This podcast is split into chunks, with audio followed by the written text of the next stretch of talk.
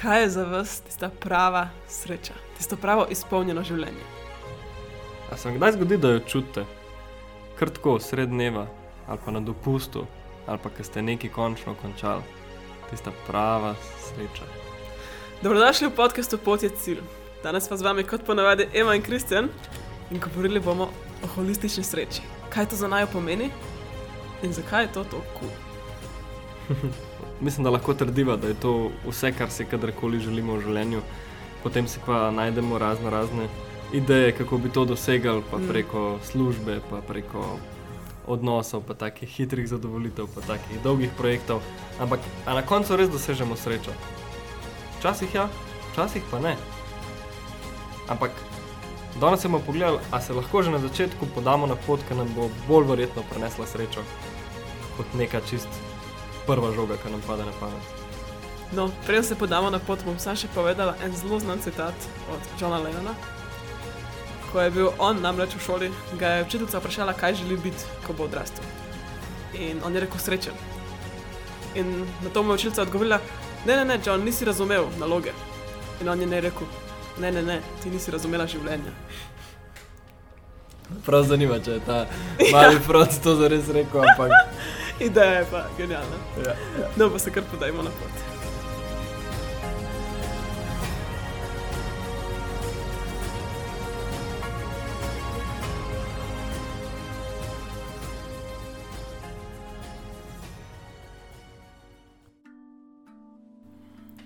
Ko pomislite na srečo, kaj za vas sestavlja? Je to dejstvo, da ste nekaj naredili, je to dejstvo, da ste nekaj dobili, a je to količina denarja, a je to število prijateljev. Kaj za res je sreča? Hmm. In še boljš, ko mi mislimo, da se nekaj želimo, ko imamo neke potrebe, recimo nov avto, partnerja, želimo tisti dopust. A je to, kar se želimo, res to? Ali se želimo nekaj, kar se spodaj skriva, neka mm. čustva, ki nam bo ta stvar prinesla? Recimo nov avto nam bo prinesel neko zadovoljstvo. In potem spet pridemo do sreče, partner nam bo pr- prinesel neko radost, neko užitek v druženju, se pa spet pridemo do neke izpolnjenosti sreče. In tako naprej. Če za vsako od naših želj uspemo je tu globine in pogled, kaj se spodaj skriva, skoraj vedno bi se upala trditi, pridemo do neke izpolnjenosti, do neke sreče. Mm, ja, kot nek cilj, ne, ki ga hočemo imeti v življenju. Ja, Um, je zelo zanimivo, nekokrat ste že slišali, da so se ljudje gnali za ne vem čem vsem, pa so na koncu najdel samo praznino. Ali pa so bili še globi, kot so začeli. ne. Uh, zdaj, ki si omenila ta avto, se gremo lahko še bolj plastično. ne. Uh, če nam je pomembno to, da nas spoštujejo ljudje in pol mislimo, da bomo to dobili z avtom, ne. mogoče je to res pot do sreče. Doskrat pa tudi ni. Tako da, dajmo se danes pogledati, kaj, kaj je za tem. Tako da prvo vprašanje. Kaj bi vi rekli, da vam ne sme manjkati v življenju, da ste srečni? Mi da bo to po svoje odgovorila, vzemite si pa eno sekundo, pa si to odgovorite. super, če ste uspeli odkriti, kaj so vaši odgovori. Mi dva pa v bistvu na to gledava na takle način. Se pravi, naše življenje je sestavljeno iz zelo velikih nekih delčkov. Imamo nek uspeh, ki ga velikokrat povezujemo s srečo, pa uspeh je potem sestavljen iz vem, naše kariere, iz našega eh, poslanstva, tudi v bistvu dela. Potem imamo odnose v življenju, imamo zdravje, imamo osebnostno rast. Imamo zelo veliko stvari, ki dejansko delajo življenje celostno. In ko mi da rečemo besedo holistična sreča, s tem mislimo ta celostna sreča. Sreča, ki v bistvu zajema vsa področja življenja. Da ne bomo šli v ekstrem samo na enem področju, ampak da se ta sreča lahko razporedi in nekako ravno, ustvari ravnoteže čez celo naše življenje. Kdo je v središču vaše sreče? Odgovor je vi. Noben drug ne more tega za vas narediti, ne more biti srečen na, na mestu vam in tudi, žal, ne morete plačati nobenemu, da bi vam prinesel srečo. Ker sreča je produkt tega, kaj mi počnemo in kakšne občutke imamo v našem vsakdanu, ne pa to, kaj smo na enem področju naredili. Zato, da bi hotel imeti celostno srečo, holistično srečo, moramo nekaj energije vložiti, nekaj moramo dati, da to nazaj dobimo. Žal. Ampak tudi, hvala Bogu, da se da. V bistvu fiziološko pogledano je to tudi zelo lahko razložiti, ker Mi imamo dva hormona, ki jih povezujemo srečo velikrat, z užitkom tudi. In velikrat mečamo, mešamo, kaj je to užitek, kaj je sreča, velikrat to postane kar eno v naših besedah. Ampak imamo hormon serotonin, ki zares je hormon povezan s srečo, in pa hormon dopamin, ki je pa bolj povezan z užitkom. In serotonin je tak hormon, ki deluje na dolgi rok. Ko ti nekaj vložiš, velikrat kot je Kristjan rekel, ne moreš nekaj dati, nekaj narediti, da potem začutiš tisti uspeh, da si nekaj premagal, da si nekaj prišel, res si zadovoljen na dolgi rok in to je serotonin. Medtem ko dopamin je pa bolj tak adrenalinski užitek, takoj pride. Recimo poješ en full njami krov, yes. ali pa začneš poljubljati z nekom, yes. to je dopamin.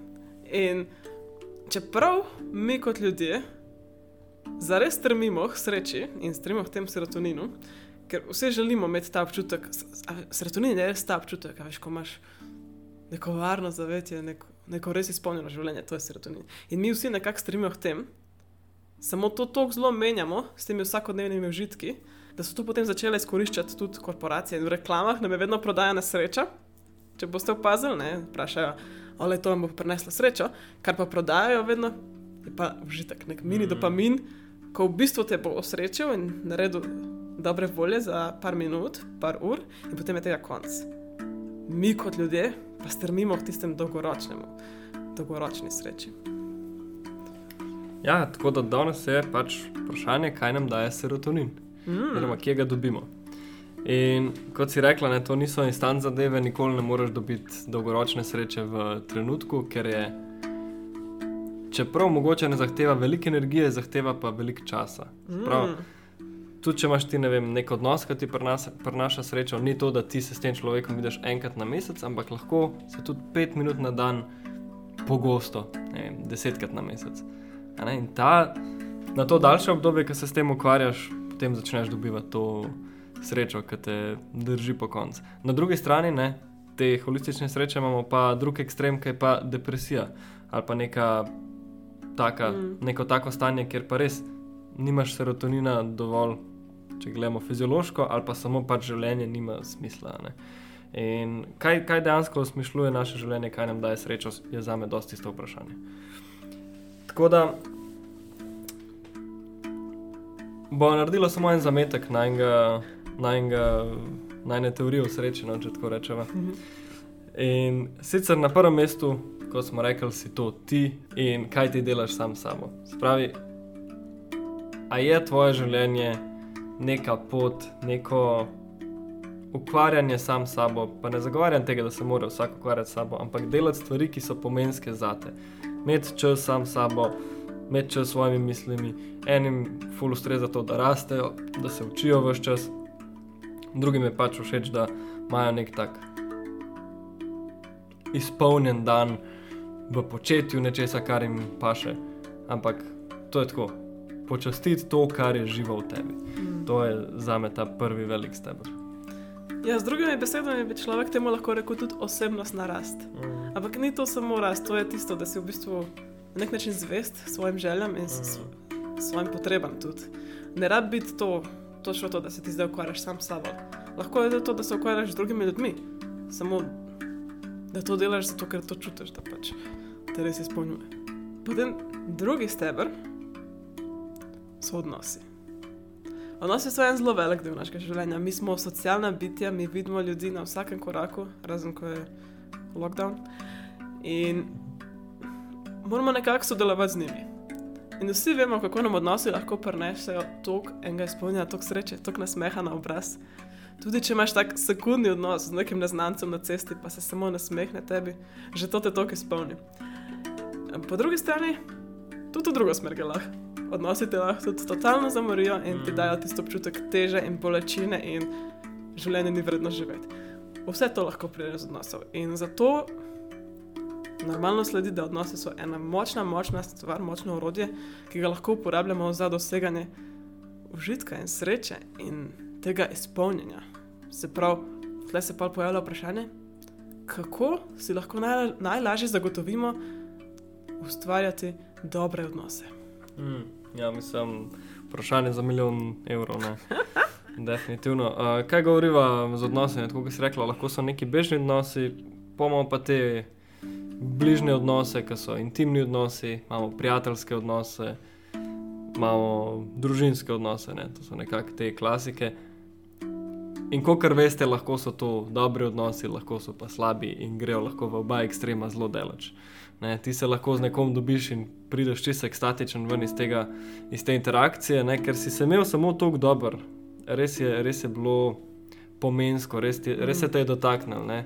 To je pa sreča, evo ti. Po drugi strani imaš pa lahko tudi stvari, ki ti sesajo to srečo. Ne. Prideš nekam cel dobre volje, nasmejan in srečen znotraj sebe, greš pa čist izžet. In kaj razlika med tema dvema odnosoma je, kako smo mi, pa kakšna je druga oseba za nas. Ne, nekaj je to, kar mi lahko naredimo, nekaj pa pač na tej osebi hočeš nočeš. Včasih ene osebe rabimo v življenju, in včasih enih pač manj potrebujemo. In zdaj na nas je pa tudi to, da mi zbiramo svoje odnose do te mere, kar lahko. Prav, da res poskrbimo, da so naši odnosi, če želimo srečo v življenju, dobri ali pa čim boljši. No. Hmm. Ja, res je. Za me jaz vedno rečem, da ljudje so tisti, ki naredijo življenje polno. Mm. Res brez ljudi je sploh. Ne, vem, ne zdi se mi tako zabavno živeti, iskreno. Mm. Jaz ne bi šla meditirati v goro, v jamo. Mm. Noči nadaljujeva. Naslednji velik stebr življenja je naša neka pot. Če rečemo temu karjerna pot, neko delo, ki ga delamo, moče celo poslanstvo lahko to imenujemo. Mm. In to je v bistvu nekaj, kar gradimo čez življenje, nekaj, kar bi lahko človek rekel, da pustiš drugim ljudem, da daš drugim ljudem. Uh mhm. -huh. Sprav, kot tvoje darilo za to človeštvo.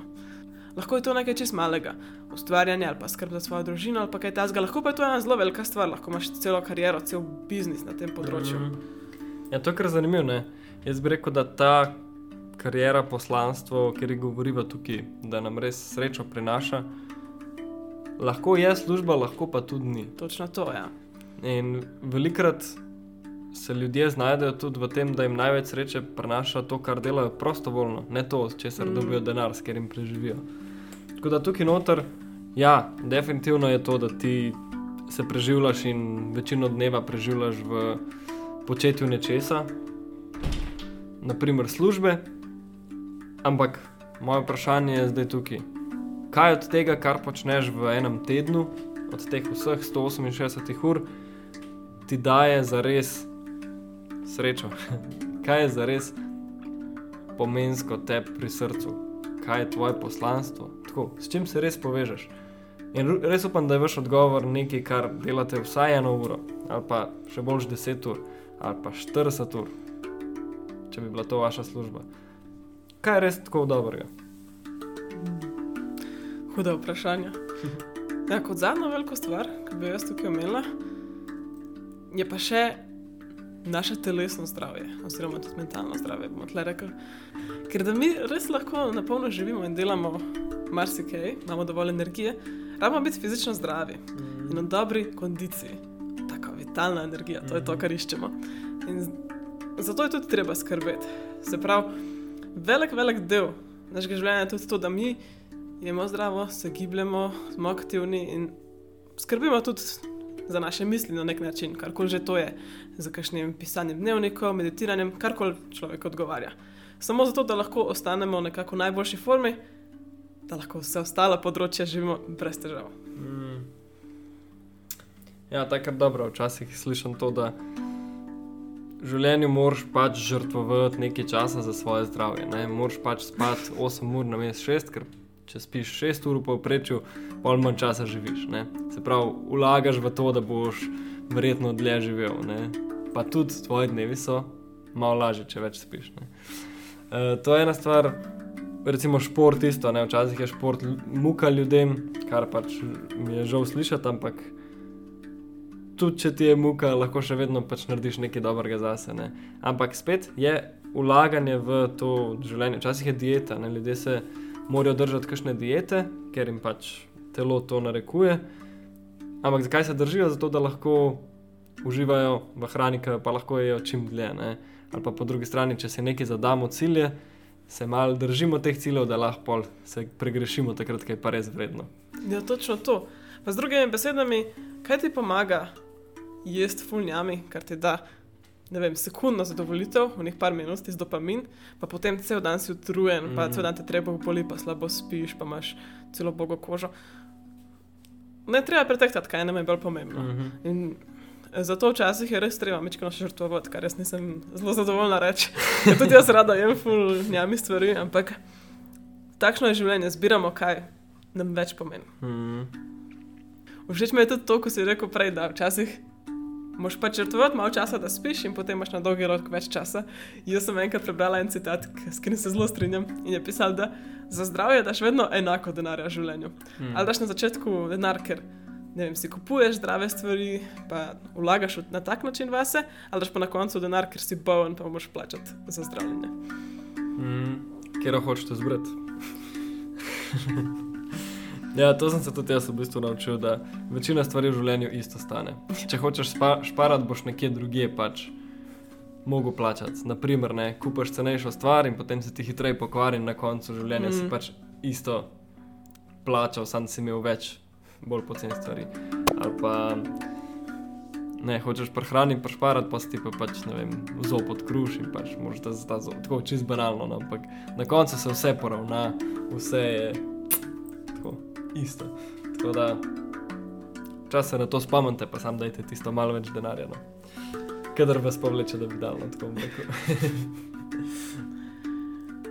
No in zdaj, ko smo vse to našteli, seveda obstajajo še manjše in manjše kategorije tega, ampak nekako tu so zelo pomembni in veliki deli življenja, ki če na vseh od njih lahko mi dosežemo neko zadovoljstvo, neko izpolnjenost, potem res lahko govorimo o holistični sreči, po najnem pogledu. Mm. Ja, meni je bilo zelo zanimivo se vprašati, kaj se pa zgodi, ker nekaj od tega ne štima. Zdaj, ena je ta stvar, da ko nam škripa na nekem področju, je to edina stvar, ki jo lahko vidimo. Mhm. Ko te nekaj boli, ne moreš razmišljati o drugem kot o bolečini.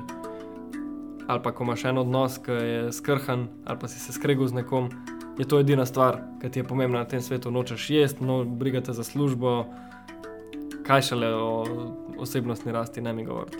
Pač hočeš porihtati ta odnos. a ne. In to sam pokaže, koliko so dejansko pomembne vse te smeri, kamor, se, kamor je treba vlagati energijo, zato da bomo srečni, ker ena manjka, ne moremo govoriti o sreči. Pač, mm. Žal, ampak če nimaš vsega, vsaj osnovno zadovoljeno, druge sploh ne morejo stati, pač malo visi cela ta naša stvar, ne? Ja, ki rečemo življenje ali pa telo. In mi je bilo zanimivo, ker mi je padalo na pamet, no, malo teh primerov, ki sem jih slišal ali pa tudi prebral, konec koncev, kakorkoli. Ljudi, ki imajo vse, razen nekje pa nekaj manjka. Ne? Ali pa bi rekli mi, joj, ta človek pa res mora biti srečen, ne zaradi tega, kar vidimo mi na vzven, spodaj pa ničesar ni. Tako da bo zdaj bom povedala par primerov. Ja, eden tak najbolj osnoven se mi zdi, ko imamo enega prijatelja, ki je enkrat dobil žar in pa stole od enega bogataša, pri katerem je delal. In zdaj ta bogataš, ne, tu na prvi pogled je milijonar, ima zelo velik hiš posod na enem zelo čudovitem otoku, takem sanskem, pa še sedem jih ima druge. In se človek reče, wow, ta pa je res uspel, ta pa, to, pa je, to pa so sanje, to vsi hočemo, toliko denarja, tako hišo, tako vse. In potem, ko je ta najmanj prijatelj delal pri njemu, mu je ta gospod podaril žar in vse stole, ker je rekel: Jaz itak nimam prijateljev, da bi delil to z njimi. Tako, jaz ne rabim toliko stolov, niti žara nimam, da bi pekel za druge. Tako da, in tukaj prije to, ne, kaj ti bo ta ves uspeh in ves denar, na koncu pa nimaš to z nobenim zadeliti. Mm, ta je bila res prav, mislim, Boleče. srce parajoče ja, Mm, zadeva. Um, zanimivo je tudi to, no, kako imaš kakšne zgodbe teh menihov ali pa samo ljudi, ki pač meditirajo in grejo za ne vem, nekaj let v kakšno jamo ali pa kaj tasga. No. In čez vedno, mislim, zgodb, zgodb sem že toliko slišal, naprimer, ne vem, človek meditiral v jami deset let. Prišel ven na ulico in se tam najbolj skregal z enim taksistom. Ker pač deluje na sebe, ampak kaj pa odnosi, kakšna je pa naša komunikacija, kakšno je pa naše sprejemanje drugih. Mogoče še en podoben primer je um, nekak citat, ki ga vedno dajo. Vse je v redu, če ti deset let meditiraš, pa delaš na sebi. ampak probi pol biti v zvezi. Ja, to je res marsikdo je razsvetljen, ne? potem pa prvo imeti eno intimni odnos in pol se pa cel peko odpre, to je Ja. čisto novo področje ogledali in vsega. Ja, ful zanimivo, ne? ker ne moreš iti tako globoko na enem od teh področji, da bi prišel na drugega. Ja, res, res. Dejansko moraš delati na drugem. Zdaj, ko si to omenil, jaz dejansko poznam enega tipa, ki sem ga spoznala, ko smo šli kampirati in je on prišel, ne vem, v tistem trenutku, ko sem ga spoznala, je prišel dva tedna nazaj iz ene jame na Malti, kjer je preživel eno leto. No, on je tam živel sam. In on je bil tam s svojim sinom in je bilo prav grozen, ker si videl, kako on je meditiral eno leto, on je tako cel wow, bos je hodil sred eh, po zmrznjenih tleh po noč, tako telo njegovo je bilo že vse tako razsvetljeno, ne tako kot on.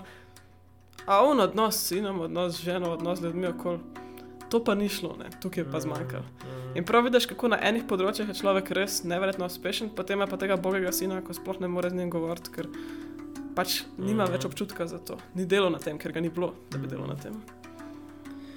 Ja, pa mogoče dam še en primer. Ta v bistvu ni en človek, ampak je kar tako skupina ljudi, ki so jih poznala. Hmm. In sicer to so bili ljudje, ki so se imeli najlepši z ljudmi okrog sebe. So bila tudi del te skupine, čisto Mhm. iskreno.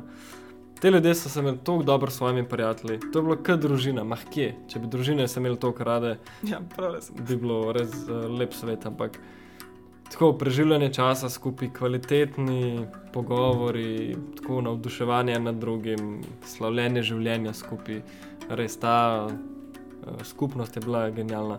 Vsak posebej je delal na sebi, eno uro zjutraj, eno uro zvečer, čez dan. Vse ure čez dan. Ja, čez dan, veš, skrbiš za sebe, delaš šport, si v naravi. Um, Ful zdravo se vedno kuhal. uf, ja. Tako globoko smo se pogovarjali, res noro, noro doživeti, mislim. Fulover.